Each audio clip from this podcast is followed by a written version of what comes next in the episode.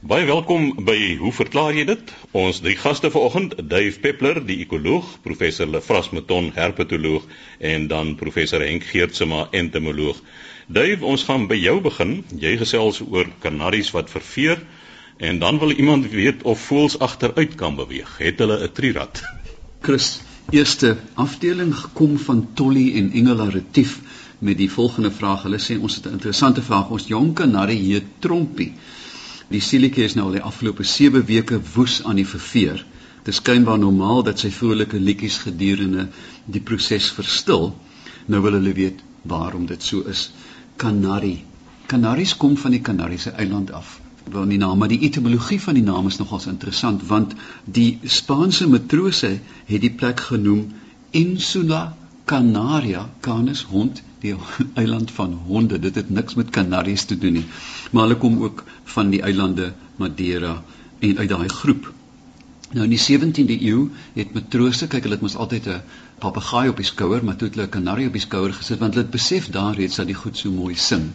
En hulle is toe na Spanje geneem van waar die fabelagtige sang van die voëls netlik bekendheid verwerf het en hulle is toe na Engeland en na Italië min het hulle geweet omdat dit baie moeilik is om die geslag van kanaries te bepaal dat dit uiteraard net die mannetjies is. Gevolglik is net mannetjies uitgevoer want hulle het mooi gesing en hulle kon nie teel nie. So die stomme mannetjies het nou maar vir ewig vir mekaar sit te kyk tot iemand agtergekom het dat die wyfies sing nie. Stilvoels is gevang en so het die bekende kanarie ontstaan. Nou sedert die 17de eeu is daar drie groepe. Kleurgroepe kanaries wat net vir hulle kleur geteel word. Pragtige natuurlik goud, geel, tot rooi wat 'n verbastering met 'n ander vinkie is.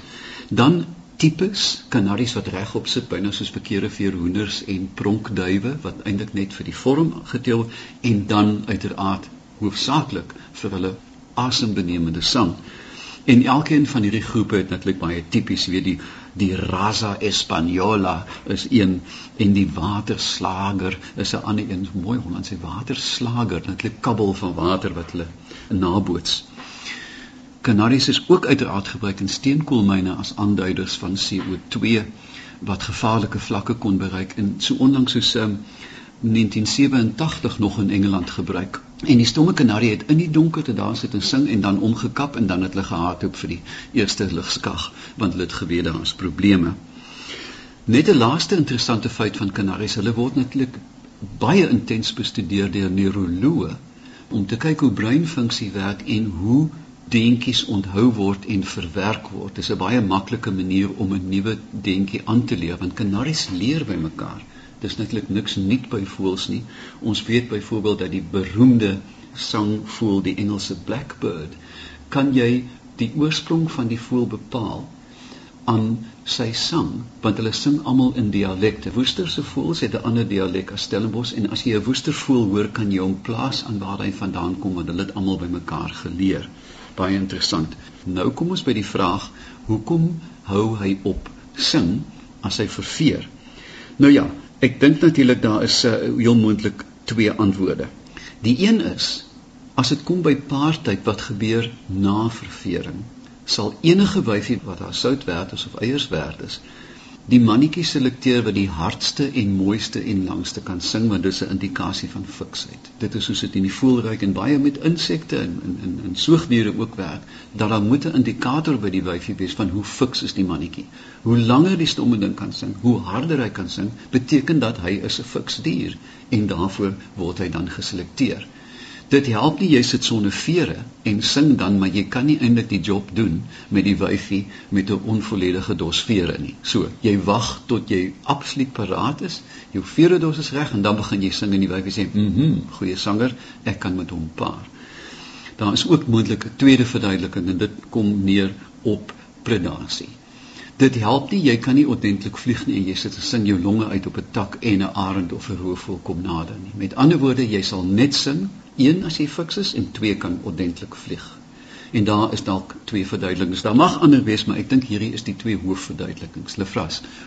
Dit sluit eintlik maar aan wat jy gesê het, maar miskien uit 'n energieoogpunt om nuwe vere te produseer, daar gaan 'n redelike koste aan verbonde wees, is proteïene en goed wat moet geproduseer word. So dit is ek dink by voëls in die algemeen broei hulle nie tydens die verveertyd nie. Ek weet nou by duwe dieselfde. Dis die tyd wat daar niks aangaan wanneer die duwe verveer.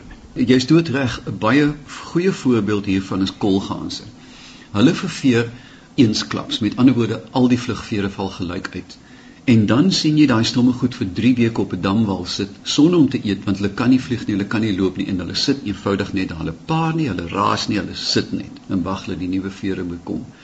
Ander metodes om hierdie ding hok te slaan is natuurlik wat die Engels noem interrupted, met ander woorde geonderbreekte ververing en mens kry dit by trekvoels dat klein rooi valke byvoorbeeld sal die sekondêre vere verveer ophou trek na Afrika en met goeie kos wat dan by jou energie uitkom met oorvloedige kos dan die groot vere verveer. So dis 'n baie komplekse ding en ook die sekwens van ververing kan spesies bepaal binne 'n genus veer nommer 1 4 val uit en dan nommer 5. So daar's baie ferm resepte wat jy net aan die ververing kan bepaal watter tipe voel dit is. Maar dit is eintlik 'n regtig baie interessante onderwerp.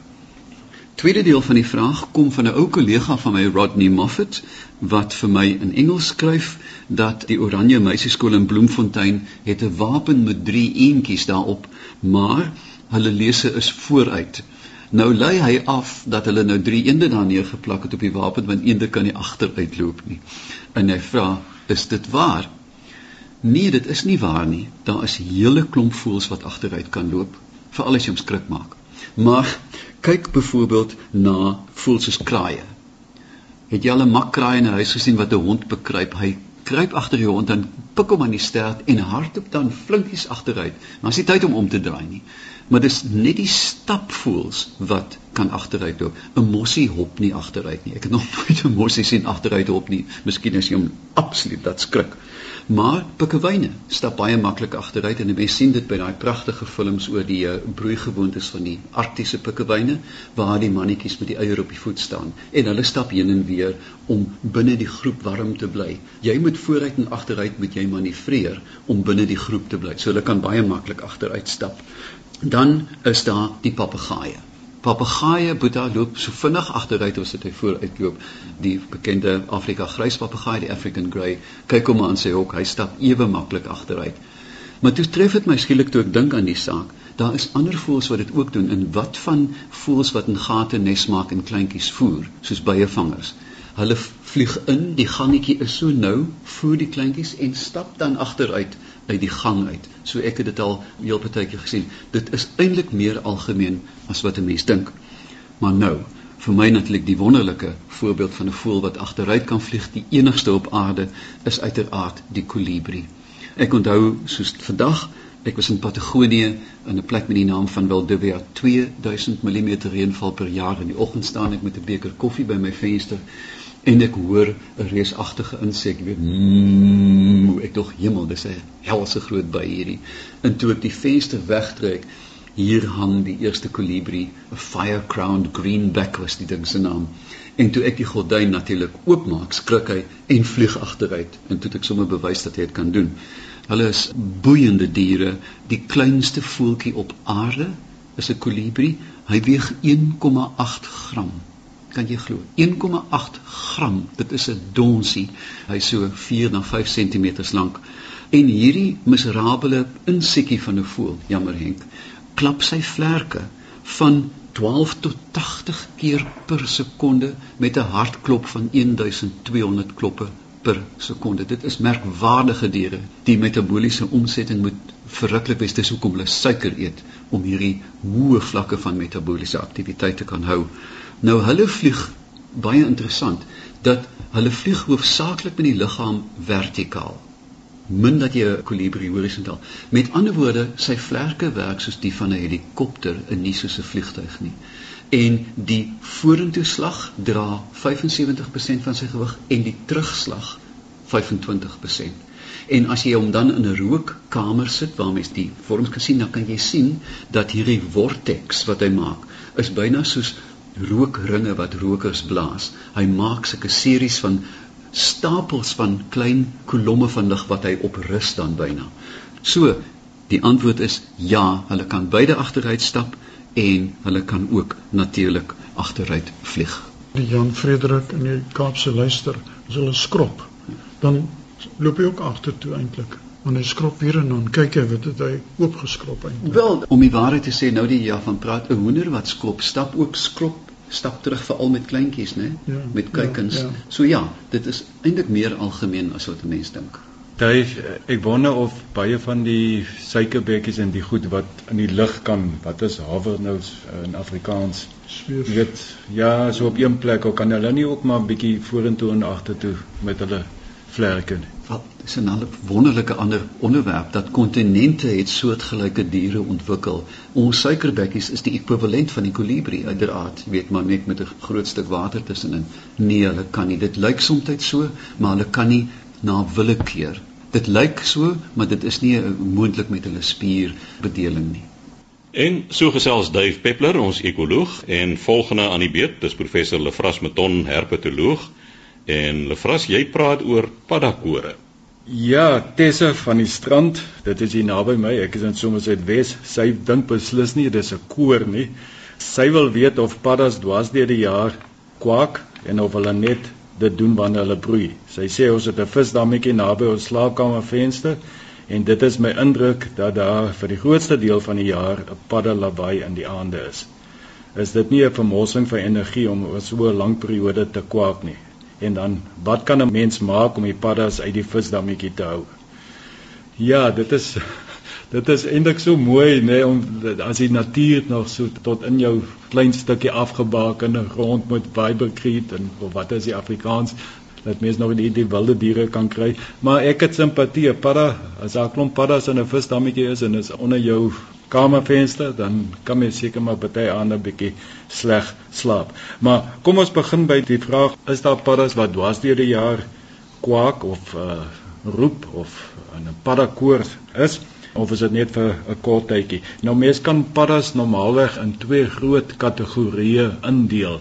Jy het daardie wat ons noem die eksplosiewe broeiers en dit is hulle wat die broeiseisoen baie kort is. Mense kan dink in die droë dele van die land, skielik is daar 'n bietjie reën, ou poeltjie wat daar vir 'n paar dae gaan wees. Daai paddas moet baie vinnig plan maak om te broei. En daarteenoor het ons 'n klomp soorte of spesies wat ons kan noem verlengde broeiers is. Daar is die broeityd ook kan oor etlike maande strek. En dit is baie interessant die verskille in die paringsmeganismes en allerlei ander dinge wat saamgaan met hierdie twee metodes van broei. By die wat die eksplosiewe broeiers, daai wat net vir 'n kort tydjie gaan broei. In sommige gevalle is dit vir 'n paar dae, dan moet alles voltooi wees. Van die mannetjies en die wyfies moet by hierdie water, kom ons noem dit nou maar 'n poeltjie moet hulle uitkom. Daar moet paring plaasvind. Eiers moet gelê word. Eiers moet ontwikkel. Die paddavisse moet uitbroei en vinnig eet en die klein paddatjies moet daar wees klaar gevorm wees voor die poeltjie opdroog. So dit is 'n baie kort tydjie. In sulke gevalle kom die mannetjies en die wyfies gewoonlik gelyk by die poel aan en hulle is gewoonlik eweveel in getalle. So elke mannetjie gaan waarskynlik 'n geleentheid kry om te paar met 'n wyfie want daar is nie nou nog tyd vir vertoon nie. Dit is net dinge moet vinnig gedoen word. En daar sal die roepe, dis mos nou maar die mannetjies wat die advertensie kwak of advertensie roep gee, dit sal nie vreeslik kompleks wees nie, dit gaan ook net oor 'n baie kort tydjie gebeur. Maar hierdie ander groep paddas wat ons noem die verlengde broeiers, wat daar gebeur is, die mannetjies gaan na die waterpoel of waterplek of 'n nou dam is of wat dit ook al is en daar gaan hulle 'n geruime tyd daar bly. Daar gaan klomp mannetjies wees, hulle gaan 'n territorium hê en hulle gaan nou maar daar sit en elke aand dan roep hulle die wyfies gaan een vir een oor tyd daar aankom, paar met 'n mannetjie en weer gepad. So, jy kan sommer klaar die probleem sien. Dis hierdie klomp mannetjies wat daar gaan sit, wag om vir die wyfies te kom en daar gaan elke aand gaan daar baie minder wyfies wees as mannetjies. Daar gaan een wyfie aankom, hierdie 10 mannetjies sit en wag vir so nou moet hulle perform. Hulle moet nou uitstal hoe mooi hulle kan roep. So in sulke gevalle gaan hulle ook dan nou meer komplekse roepe gee en hierdie hele proses kan oor verskeie maande aanhou. En dit is waarskynlik wat hier in die strand gebeur. Ek weet daar's 'n ou een of ander klein paddatjie wat ook daar by my voorkom hier April maand, begin hier in Februarie en dit gaan tot hier in Mei maand. Elke aand hoor jy maar die ou paddas wat roep so ek het slegte nuus vir dit mag nog 'n hele paar weke aanhou. Dis baie interessant die hele kompetisie verskillende kompetisie in hierdie twee paringsstelsels en dan ook soos ek sê die kompleksiteit van die roepe. En as mens nou na hierdie groepe paddas nog verder gaan kyk, dan sal jy sien op aande wanneer daar min paddas is of as daar min is wat roep, mannetjies wat roep, dan is hulle hulle roepe baie eenvoudiger. Dan het dit minder kleine variasies by.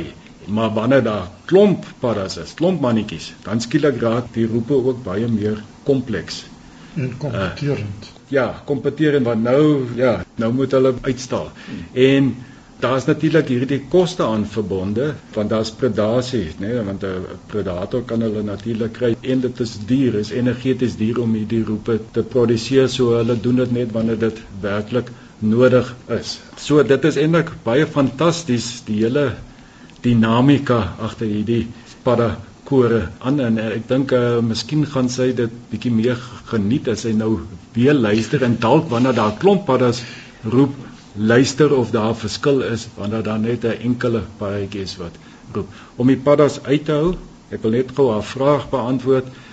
Uh die heel maklikste klink vir my skuifie, skuifie visdammetjie. Of dan anders moet mens nou dit heel onnatuurlik maak deur 'n uh, sif oor te span, maar hoe lyk die dammetjie dan nou en ek sal dit of verduur of ek sal 'n ander huis koop of ek skuif die of ek skuif die visdammetjie na die verste hoek toe want so in die verte is dit dan tog 'n mooi ding om te hoor paddas af en toe kwak. En dit is tog beter om 'n klompie paddas te hoor kwak as om 'n klomp honde om jou huis te hoor blaf. Net 'n opmerking, miskien 'n bietjie troos te vras vir my die wonderlike ding van van hierdie verskynsel is dat in die in die hart van voorstedelike Suid-Afrika maak jy 'n visdammetjie 'n jaar later uit die niet deur al die mure oor die paaie, oor die dakke het die paddas daar gekom. Is dit nie wonderbaarlik dat die natuur gelok word nie? En, en laat dit troos wees, jy weet dat daar tog nog lewe is. En die tweede interessante ding wat ek eers onlangs uh, besef het, dat veral in die winterreënstreek word paddas se broei siklus aangeskakel deur dalende temperatuur in die stygende temperatuur nie. Dis van die min voorbeelde wat dit so werk, want gewoonlik is dit in die lente wanneer dit warm word, maar hier as die koue front kom en dit word koud, dan sing die reënpadda. Jy praat so van die honde wat blaf. Mense is al so ingestel op honde wat blaf dat dit jou amper nie eens meer pla nie. Weet en dan plaas so 'n paar paddatjies jou nou skielik wat nou 'n heel natuurlike ding is. 'n Ander ding wat soms vir my nogals irriterend is is is die tarantale, die dorpshoenders of wat noem hulle.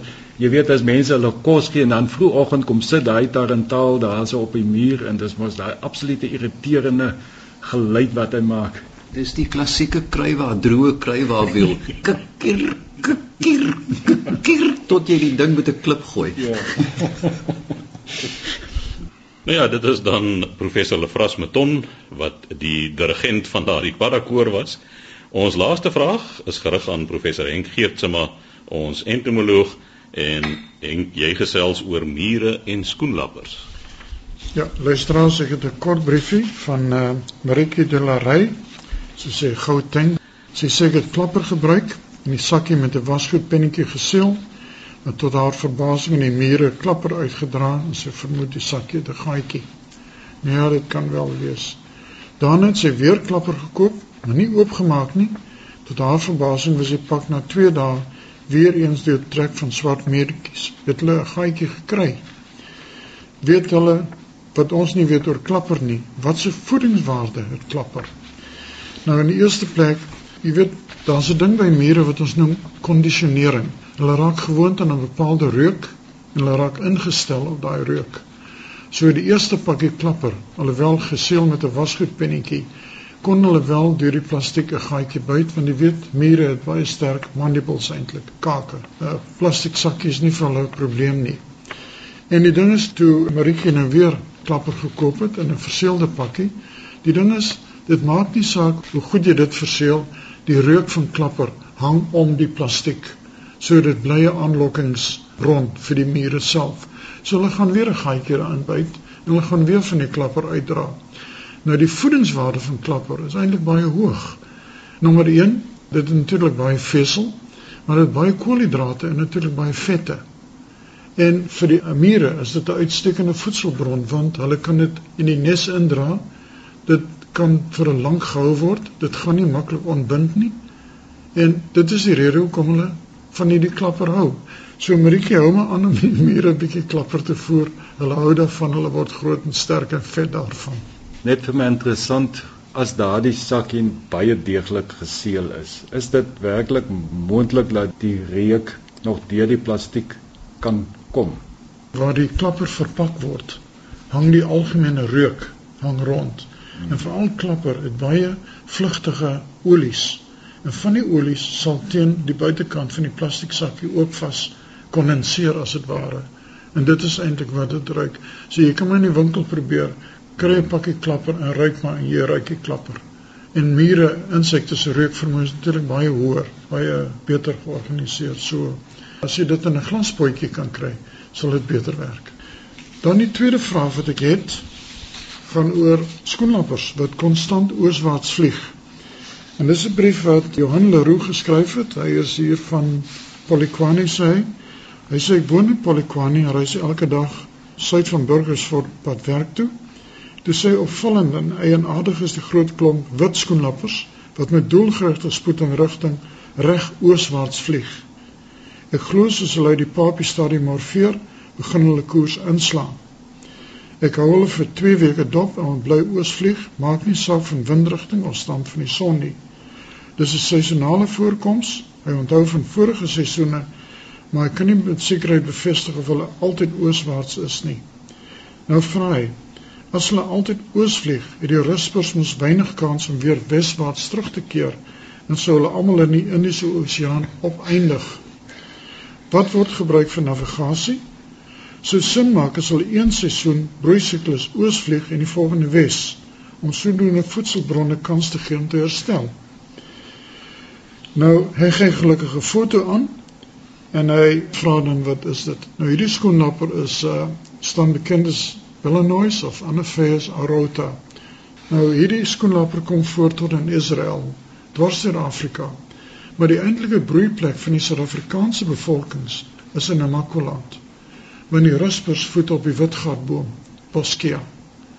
Wat eintlik gebeur is dat in sekere jare is daar so oorvloed van die witgat skoenlappers wat uitbroei dat as gevolg van oorbevolking dat hulle self begin uitdun en uitversprei. Dis 'n natuurlike migrasie eintlik. En die migrasie is eintlik ooswaarts omdat dit is waar die son opkom. Met ander woorde, hulle begin migreer vroeg in die oggend af en hulle vlieg altyd ooswaarts. Somstyds, dit is gerapporteer in die literatuur, draai hulle hier by Natal suidwaarts. Maar die ding is hulle eindig op in dit niet, soos die Nederlanders sal sê. Maar dis nie die ruspers wat trek as dit ware nie. Dis net die mannetjies gewoonlik van die wyfies en so bly agter in die Namakwa-land en die Karoo dele waar die voedselplante groei. Jy sê van die wyfies bly agter, maar sekerlik vir die volgende siklus moet dan nou weer mannetjies ook wees. So gaan daar genoeg mannetjies ook agterbly. Kyk man, in enige bevolking kry jy dom mannetjies en slim mannetjies. Nou die dom mannetjies gaan vlieg, maar die slimmes sou nou dink is andersom. ja. Nee. Nee, nee, so daar's altyd 'n kernpopulasie wat bly. Maar die oorvloed van die bevolking, die dun hulle self op die manier uit. Dis 'n natuurlike proses. Wat is die lewensverwagting van so 'n skoenlapper? Hoe oud word hulle? Hoe lank lewe? Wel dit sal 'n mens moet bepaal met deur die goeie merk en so aan, maar die ding is kyk gemiddelde leeftyd van 'n skoenlapper is 4 tot 6 weke. En die ding is hulle vlieg redelik aanhoudend.